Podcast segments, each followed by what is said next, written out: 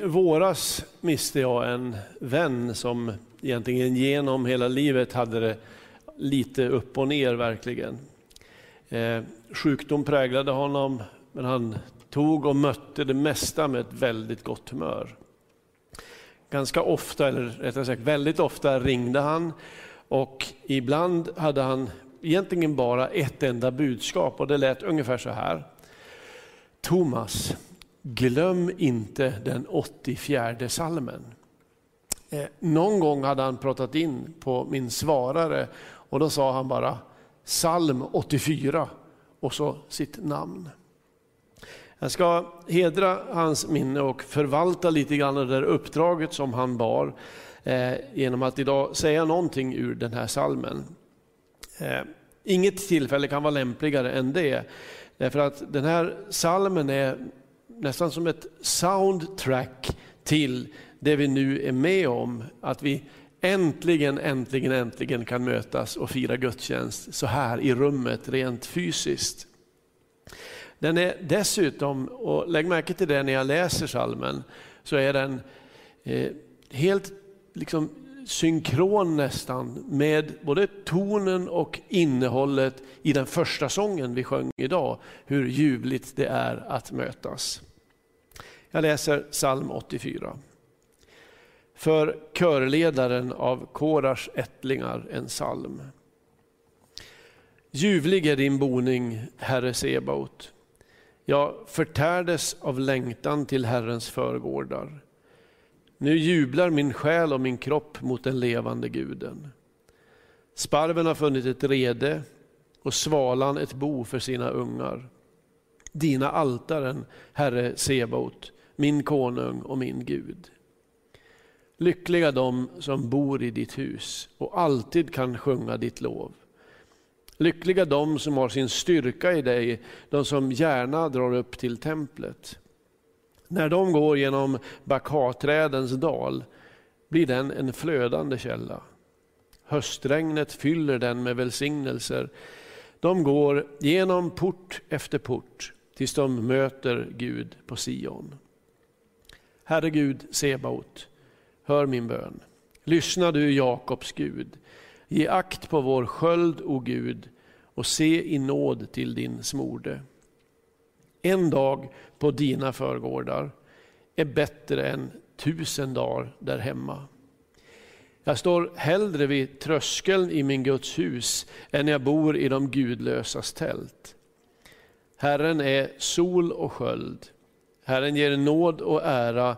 De som lever ostraffligt vägrar han inget gott. Herre Sebaot, lycklig är den som förtröstar på dig. Predikan idag har egentligen bara ett enda ärende. Och det är att jag skulle vilja sätta ord på, försöka åtminstone sätta ord på hur stort det är att få mötas och tillsammans vara i Guds närhet och Guds härlighet.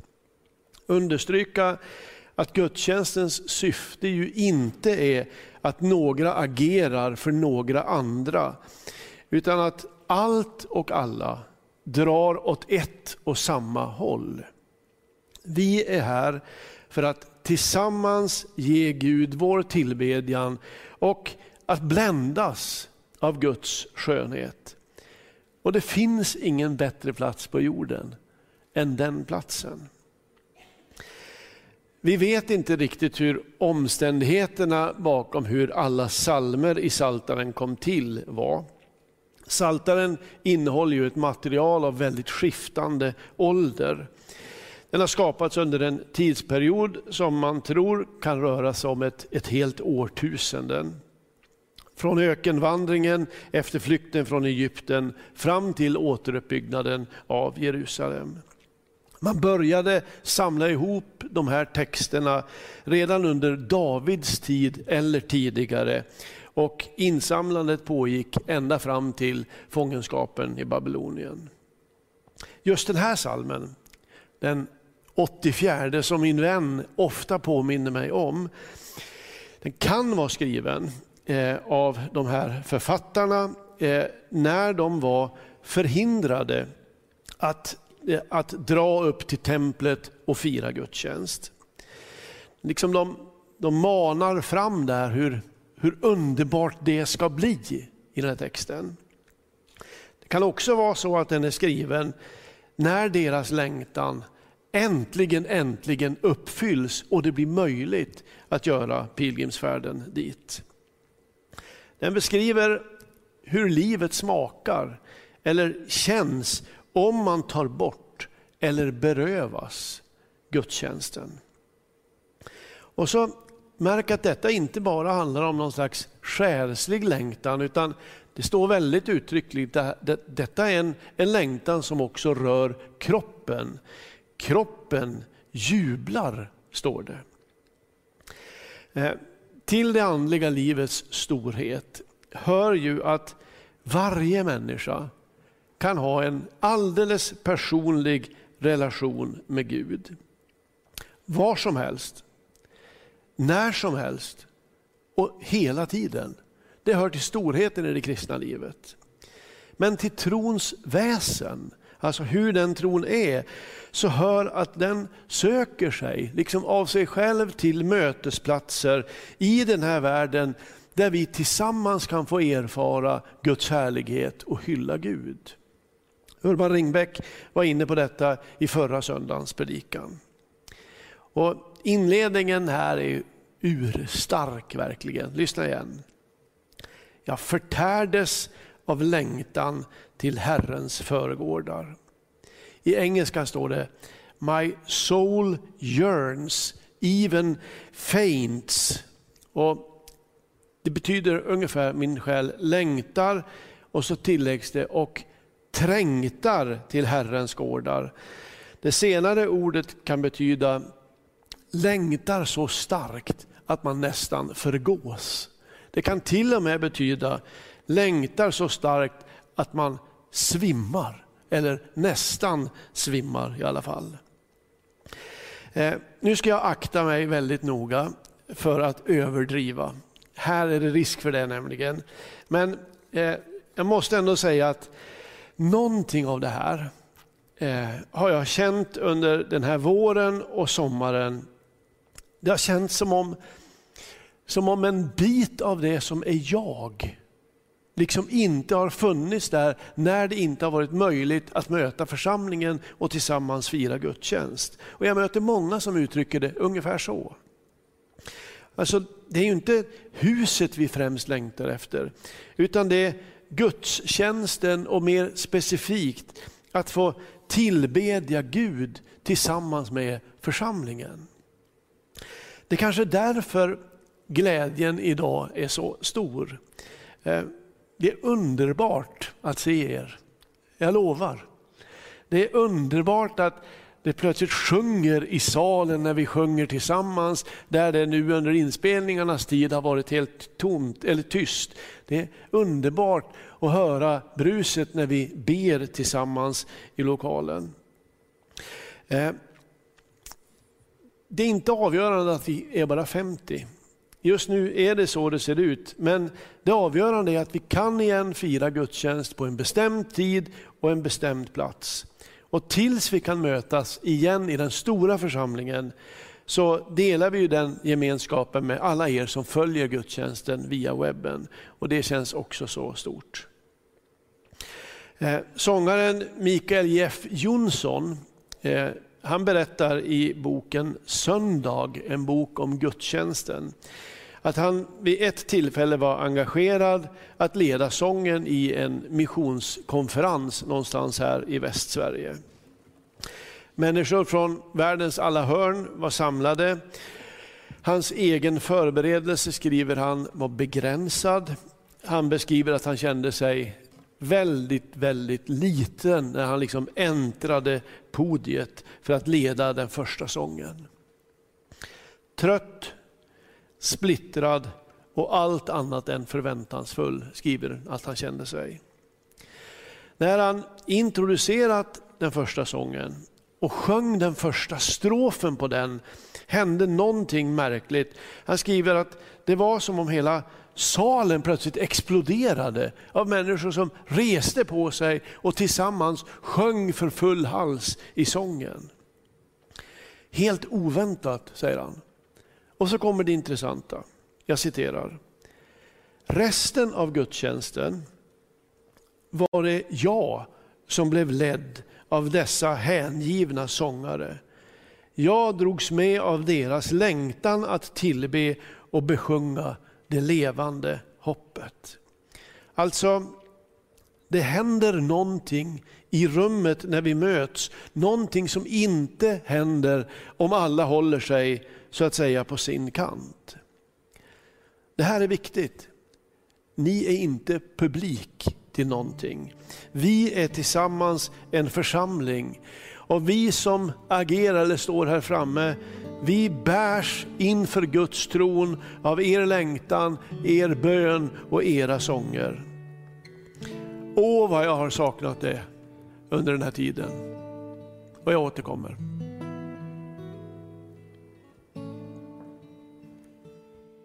Jag kommer till ditt tält ser ditt gryningsljus.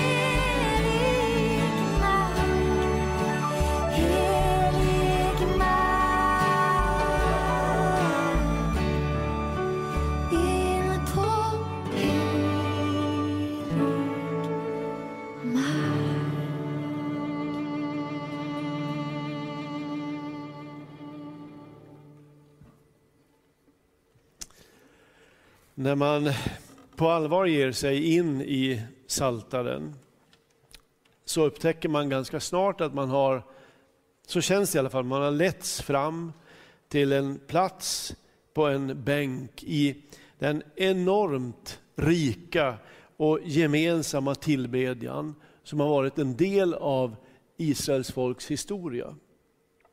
När David organiserade Israel till en lovsjungande nation så engagerades 38 000 leviter till olika funktioner i Herrens hus.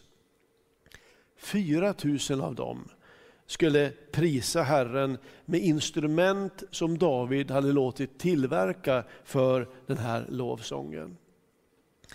Sen finns det runt psalmerna en massa marginalanteckningar som, som verkar vara skrivna just till alla dessa musiker eller sångare.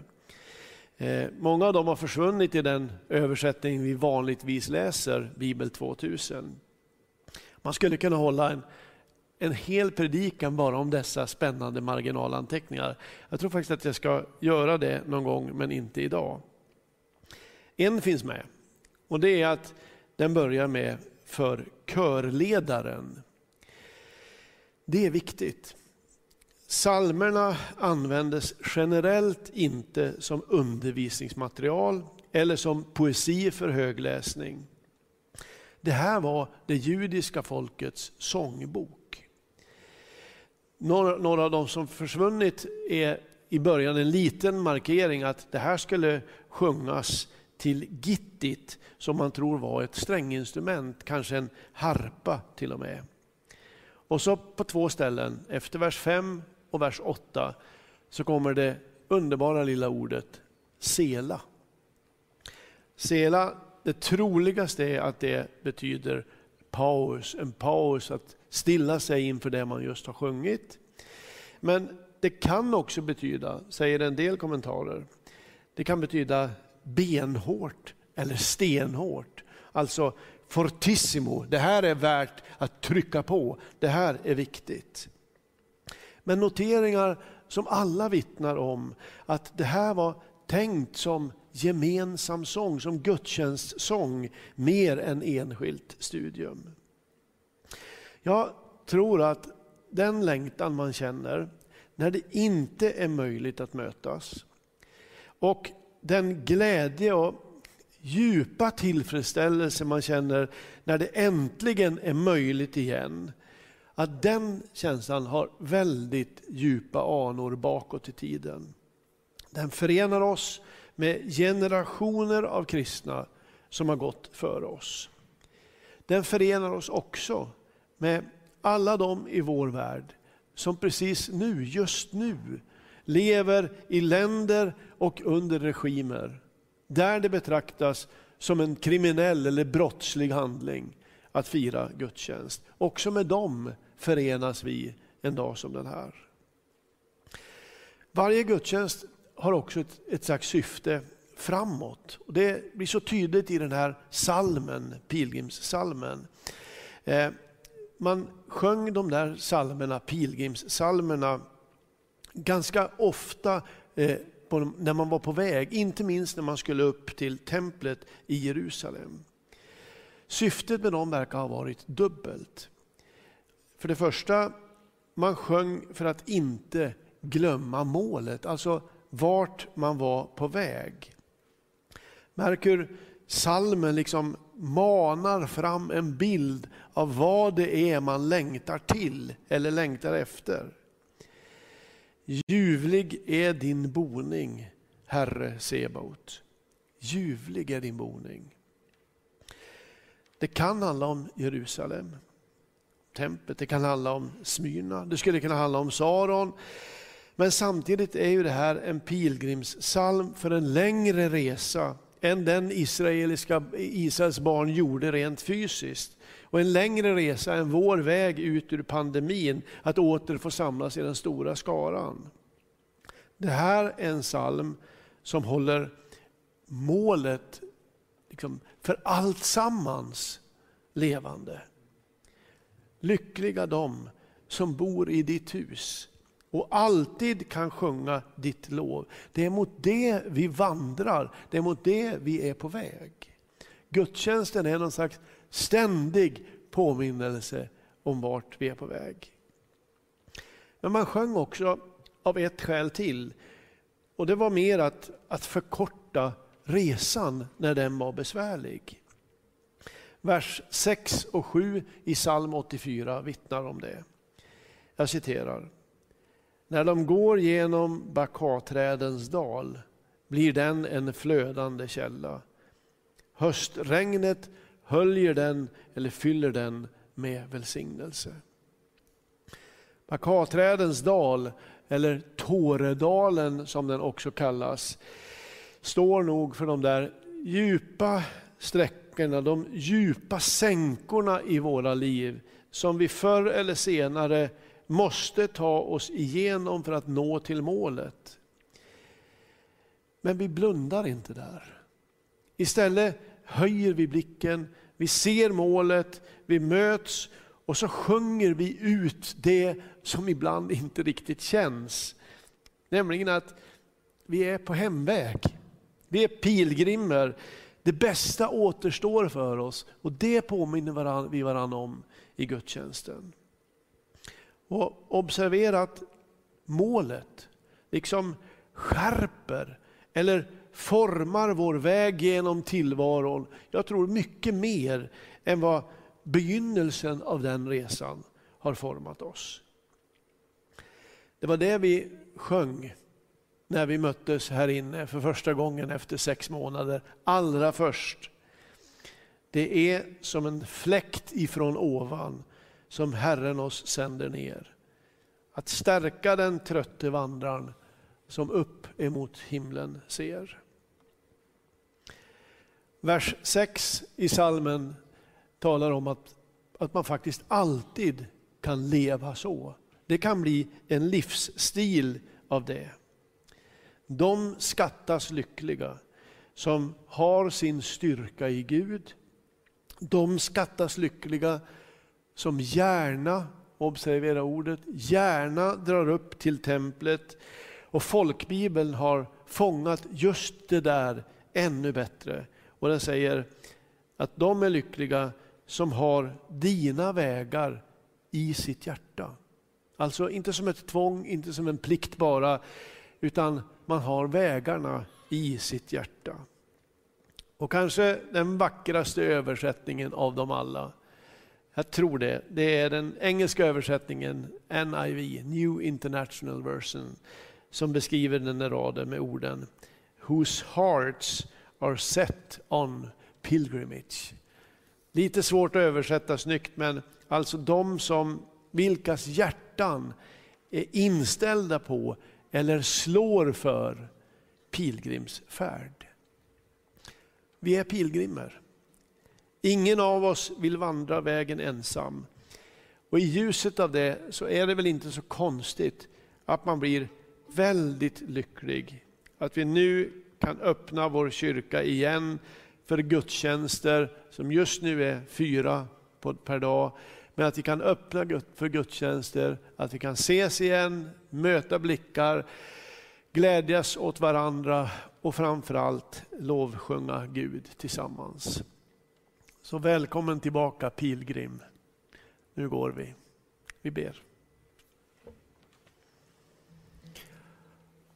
Ja, herre, jag vill, jag vill egentligen bara tacka dig idag. Tacka dig för glädjen att vi får ses. Inte bara morsa på varann på avstånd på stan utan ses med detta gemensamma syfte att, att vi vill tillhöra dig och vi vill tillbedja dig. Herre, vi vill att du ska vara den högste i allt. Herre, tack för att du tronar på Israels lovsång, men du tronar också på vår lovsång. Därför hyllar vi dig idag av hela vårt hjärta. Amen. Du har lyssnat på en predikan från Smyrnakyrkan i Göteborg. Hjärtligt välkommen att lyssna igen eller besöka Smyrnakyrkan. Gud välsigne dig och din vecka.